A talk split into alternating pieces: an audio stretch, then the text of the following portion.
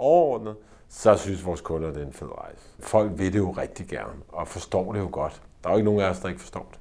Og hvem, havde, hvem hader ikke at smide mad ud?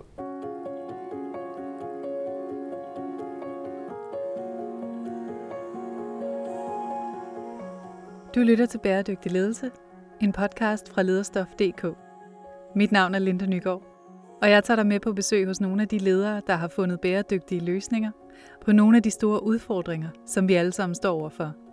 Jeg lover dig, at det bliver inspirerende. Og hvis du selv får lyst til at gøre noget af det samme, så har vi for hvert afsnit skrevet konkrete råd ned til, hvordan du kommer i gang.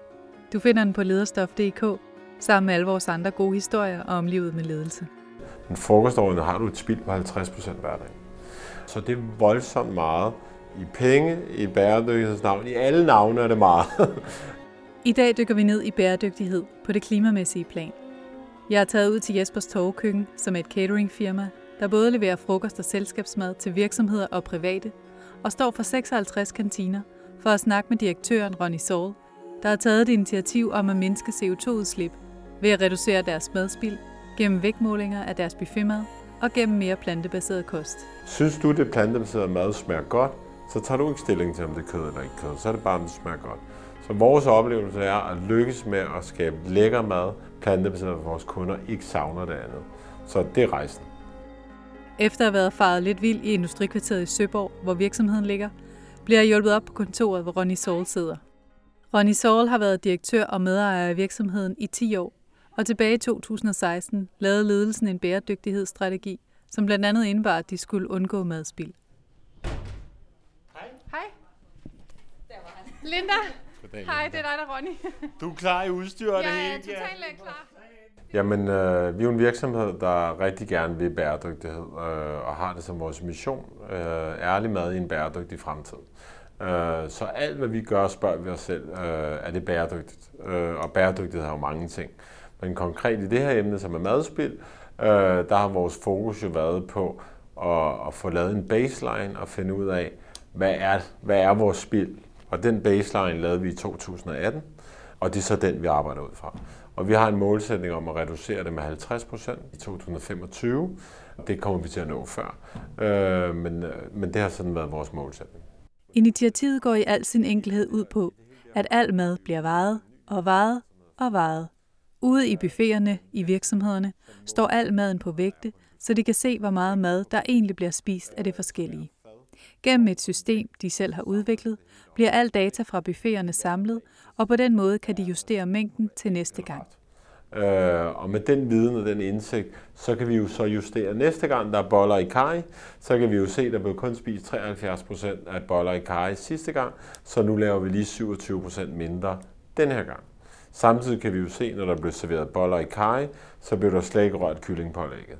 Eller der blev spist så og så meget salat. Så koalitionerne mellem alle retterne kan systemet analysere, så vi samlet får lavet meget mindre mad næste gang, vi serverer det. Så det er sådan meget konkret på buffeterne. I køkkenet, der er det simpelthen at være nede og måle, øh, hvor meget har vi smidt ud af, af skrald, hvor meget mad er der til overs, når vi har produceret, hvor meget rører i biotransen. Vi har alle mulige steder, hvor vi måler, øh, og når vi så har målt det, så har vi taget actions ud for det.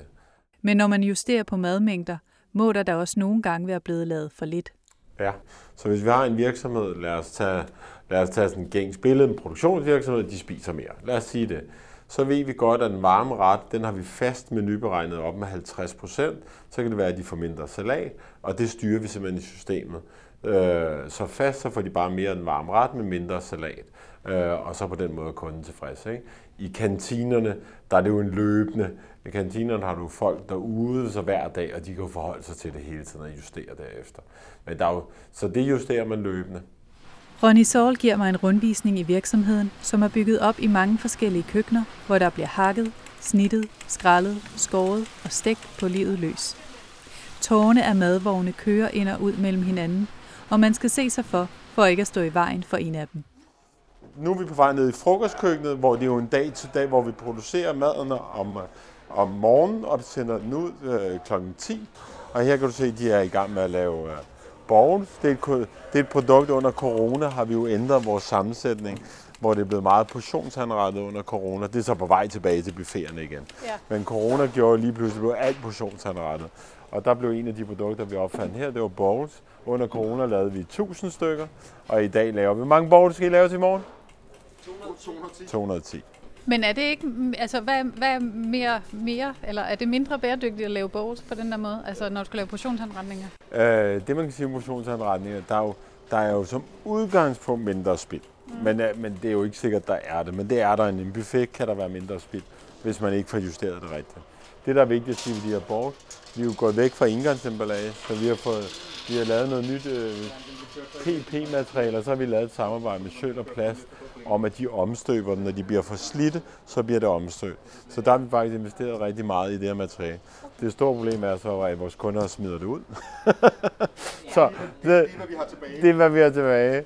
Plus måske 3, 280 derude nu. Ja, og vi har købt 7.000 efterhånden. Som verden er nu, Mens vi går rundt i labyrinten af forskellige køkkener, rammer en mur af dufte mig hver gang vi går ind i et nyt rum.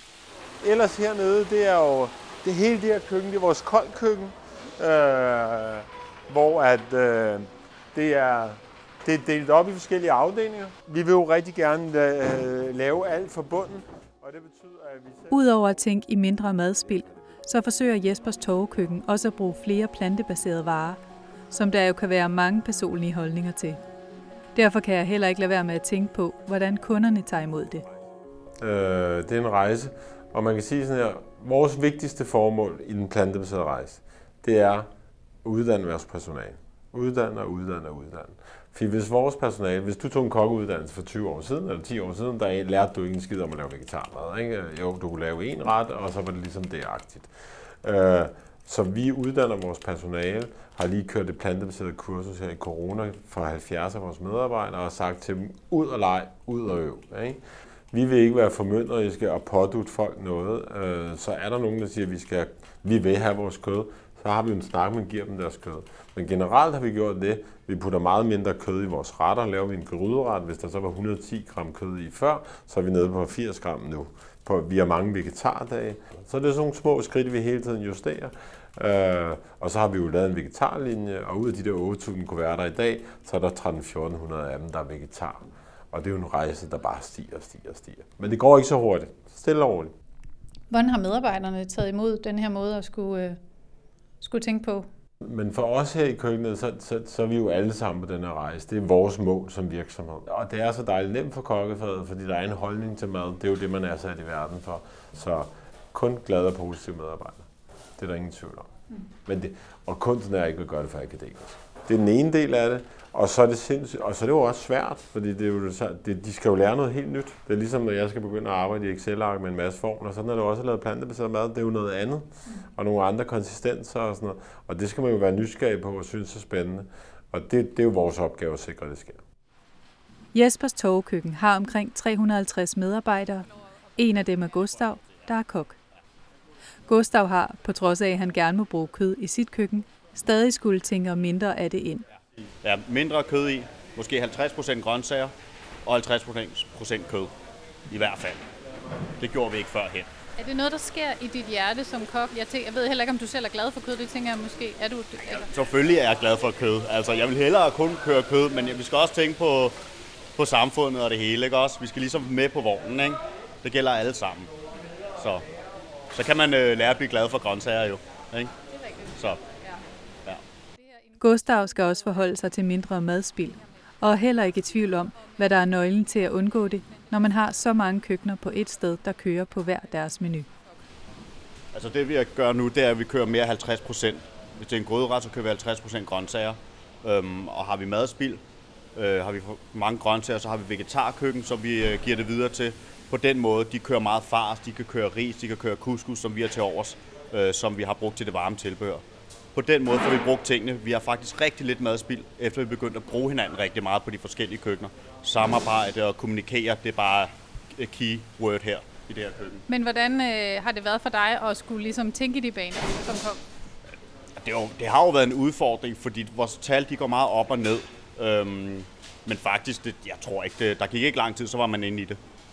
Men har det en påvirkning på din, din hverdag at skulle tænke på den måde i forhold til før? Ikke længere, ikke længere overhovedet ikke. Nu er det bare en del af vores øh, DNA at tænke på madspild. Det er allerede blevet en del af deres DNA. Og ifølge Ronny Saul har madspild altid været noget, man gik op i som kok, selvom det ikke var miljøet, der var i tankerne, da de i sin tid besluttede at gøre noget ved det. Da vi laver vores strategi i 2016, der har vi allerede inkorporeret i vores strategi, at vi skal lave en bæredygtig fremtid, men vi har på det tidspunkt hed det, hvor det gav økonomisk mening. Uh, I dag hedder det, der skal vi gøre det. Ikke om, selvom det ikke giver økonomisk mening. Men frokostårene har du et spild på 50% hver dag. Så vores kunder tænker tit, vi er tør for varm ret. Så står der tre salatfad og to pålægsfad og det ostefad. Og så hedder det bare til 50% samlet. Så af den årsag, så er det bare noget, man ser på og synes er vigtigt. Ja, og nu kan vi så tage den snak. Øhm, hvordan kan I se det på bundlinjen, at I har taget det her initiativ? Man kan ikke, jo, man kan se det på, på bundlinjen på den her måde. Vi kan jo godt se, at i teorien bruger vi færre penge, fordi når vi går fra at købe 900 gram mad per kunde, til at vi nu er nede på ca. 750 gram mad per kunde, så har vi jo sparet 150 gram. Men vi har også sagt hele tiden, at det ikke er en spareøvelse, så de 150 gram, vi sparer i princippet, bruger vi på at købe bedre varer. Så vareforbrugsprocenten og økonomien er den samme krone, vi bruger. Så kommer vi ind i det varme køkken. Og der er jo fem køkkener i køkkenet her. Så der er et verdenskøkken, et favoritkøkken, et halalkøkken, et vegetarkøkken, et nygastrokøkken. Så de laver alle sammen forskellige menuer her i køkkenet. Og de, de begynder jo lige så langsomt at gå i gang med at gøre klar til i morgen på nogle af tingene, ikke? Og så gør de, og så gør de det færdigt. Så gør de det færdigt i morgen tidligt, så de hele frem og gør det færdigt, ikke? Med så mange medarbejdere og køkkener at holde styr på, må der der alligevel have været nogle udfordringer i forbindelse med initiativet. Men Ronny Saul ser mest udfordringerne på et samfundsmæssigt plan. At udfordringen er jo at dygtiggøre medarbejdere, hvis vi starter der. Det er jo en udfordring, ikke? At lære dem at lave den gode mad og den gode smag, ikke? Øh, det synes jeg går rigtig godt. Øh, ud fra et bæredygtigt synspunkt og verden, set fra verdensperspektiv, så går det jo alt for langsomt.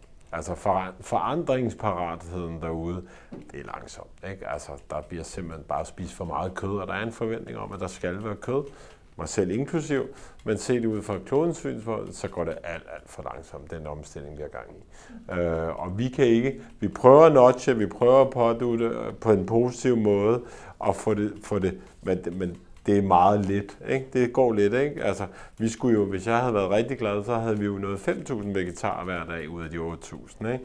Nu er 1.400, og det er jo rigtig fint, men det er jo alt for højt stadig øh, på, på den kødbaserede rejse, øh, hvis vi skal gøre en forskel. Hvad er så fordelene ved at gøre det her? Fordelen er jo, at du gør en forskel for verden. Så simpelt er det. Øh, og, og igen, hvor er man på sit strategiske kompas, så er det jo det, der afgør det. For os, det er det, vi, vi vil lave fantastisk mad, men en bæredygtig fremtid. Det har vi besluttet. Og det er jo det, som er så mål. Og prøv at høre, man kan lave fantastisk mad. Ikke? Og man kan give fantastiske madoplevelser til frokost hver dag, uden problemer på den måde. Det er ikke fordi, der ikke skal være kød. Det skal bare være den køden er lige pludselig bare den der sideingrediens i stedet for hovedingrediensen. Så, og så er det jo heller ikke et problem, hvis det var sådan, det var. Men stadig. Ja. Uh, nu bliver der koldt. Ja, så er vi i købeboksen. Det er her, alle udleveringen foregår. Så nu er kunderne stillet op og gjort klar til i morgen. Øh, og så begynder de jo bare at fylde op øh, i morgen. Ikke? Og så i morgen tidligt der, klokken 9, så står der sådan nogle tårne her, alle vejen, på alle kunder. Inden jeg forlader køkkenet, så møder jeg Kasper, der er divisionschef for frokostkøkkenet. Og han kan godt lide udfordringen, der ligger i mindre kød og mindre madspild. Øh, det gør, at man, øh, man bliver tvunget til, for at tage det ord, til at have en holdning omkring det.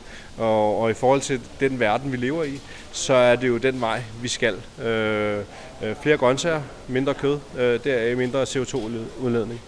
Øhm, og det hele foregår i menuplanlægningen. At der, at der er nogle holdninger, der bliver taget stilling til, øh, hvordan vi kan nedsætte det CO2-aftryk, vi har som virksomhed, og vi har i verden. Øhm, så, så, så det er helt klart en af de, de veje, øh, vi tænker, det vi tænker i hvert fald. Og så har vi jo et fantastisk mandskab, som, øh, som, som efterlever det, og som er med på rejsen. Øh. Men gør det det mere, har det gjort det mere besværligt at skulle hele tiden tænke på øh, vægt og jeg vil sige, nej, absolut ikke. Altså, det, det gør det lidt mere innovativt, øh, og, og vi får lov til at tænke i andre baner. end, end bare Superstar Is, øh, som har været mantraet igennem rigtig, rigtig mange år. Øh, det gør det sjovere at arbejde med, øh, og vi, vi får udvidet vores horisont rent madmæssigt øh, den vej. Tak skal du have. Og så skal jeg naturligvis lige have et sidste godt råd med på vejen fra Ronny Saul. Ja, men gode råd øh, på den her rejse, det er for det første, øh, det er vigtigt for mig at sige, at vi er jo ikke heldige i den her virksomhed. Vi laver masser af kompromiser hver dag og hele tiden. Ikke? Og det gør man jo. Det kan ikke være anderledes med den verden, vi er i, og sådan som vi er som mennesker, mig selv inklusiv. Men det gode råd derude, det er, prøv at høre, det er en jungle. Uh, øh, hvad der er rigtigt og hvad der er forkert, det er ekstremt svært. Man tror, at i dag er det her den rigtige beslutning, men så finder man ud af, at i morgen var det den helt forkerte beslutning. Hvis man skal tage de rigtige beslutninger, der er ikke nemme beslutninger. Man bliver faktisk nødt til at bruge ekstremt meget tid på at sætte sig ind i det og udfordre det. Fordi oplevelsen er også, og selv inklusiv alle andre leverandører, siger jo nu om dagen, at vi er bæredygtige. Ikke? Og så køber vi ind på, at vi er bæredygtige. Og hvad fanden betyder det? Ikke? Altså, jeg tager et praktisk eksempel nu. Lokale råvarer. Ikke? Fortællingen i Danmark er nu, lokale råvarer, så er man bæredygtig. Det kan jeg udfordre 100 gange. Er det rigtigt? Det siger vi alle sammen. Alle bæredygtige virksomheder er lokale råvarer. Men så vidt jeg ved, så bliver tomater drivhus i Danmark, øh, som er opvarmet med energi, hvor det er sol i Spanien. Så var det måske ikke mere bæredygtigt. Og det er det, der gør det svært. Det er jo sindssygt svært. Øh, vi har en madstrategidiskussion her i huset i dag. Skal vi sige lokale råvarer? Eller skal vi sige EU-varer? Eller skal vi sige varer, der er transporteret på en bestemt måde for at være bæredygtige? Der er jo noget, der hedder, hvad vil man gerne høre derude? Man vil gerne høre det lokale, end man vil høre, nej, vi køber i EU, fordi det er faktisk mest bæredygtigt. Det er et svært argument at sælge, men det er jo sådan nogle dilemmaer, der er. Og det er det, der gør det sindssygt svært at rejse.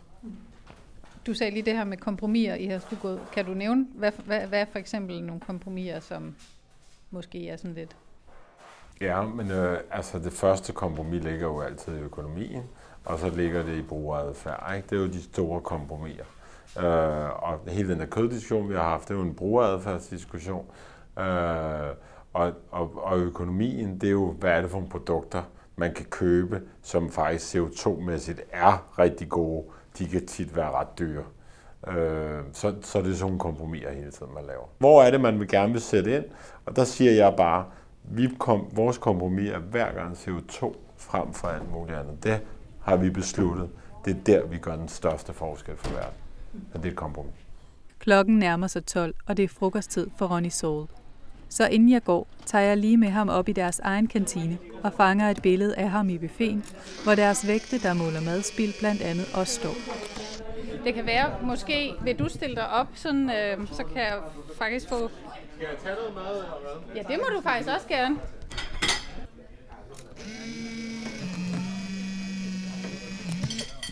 Sådan. Ja, men perfekt. det er super. Tusind tak for, øh, for at du ville være med. Jamen, det var. Øh, og øh, ja, tak for det. Ja, nu skal jeg se, om jeg kan overhovedet. det er okay, vi vi kan godt få den sådan der. Værsgo. Hej. Hej, hej, lige måde. Du har lyttet til Lederstof.dk's podcast Bæredygtig Ledelse. Bag Lederstof.dk står lederne, Danmarks største faglige organisation for ledere med over 130.000 medlemmer.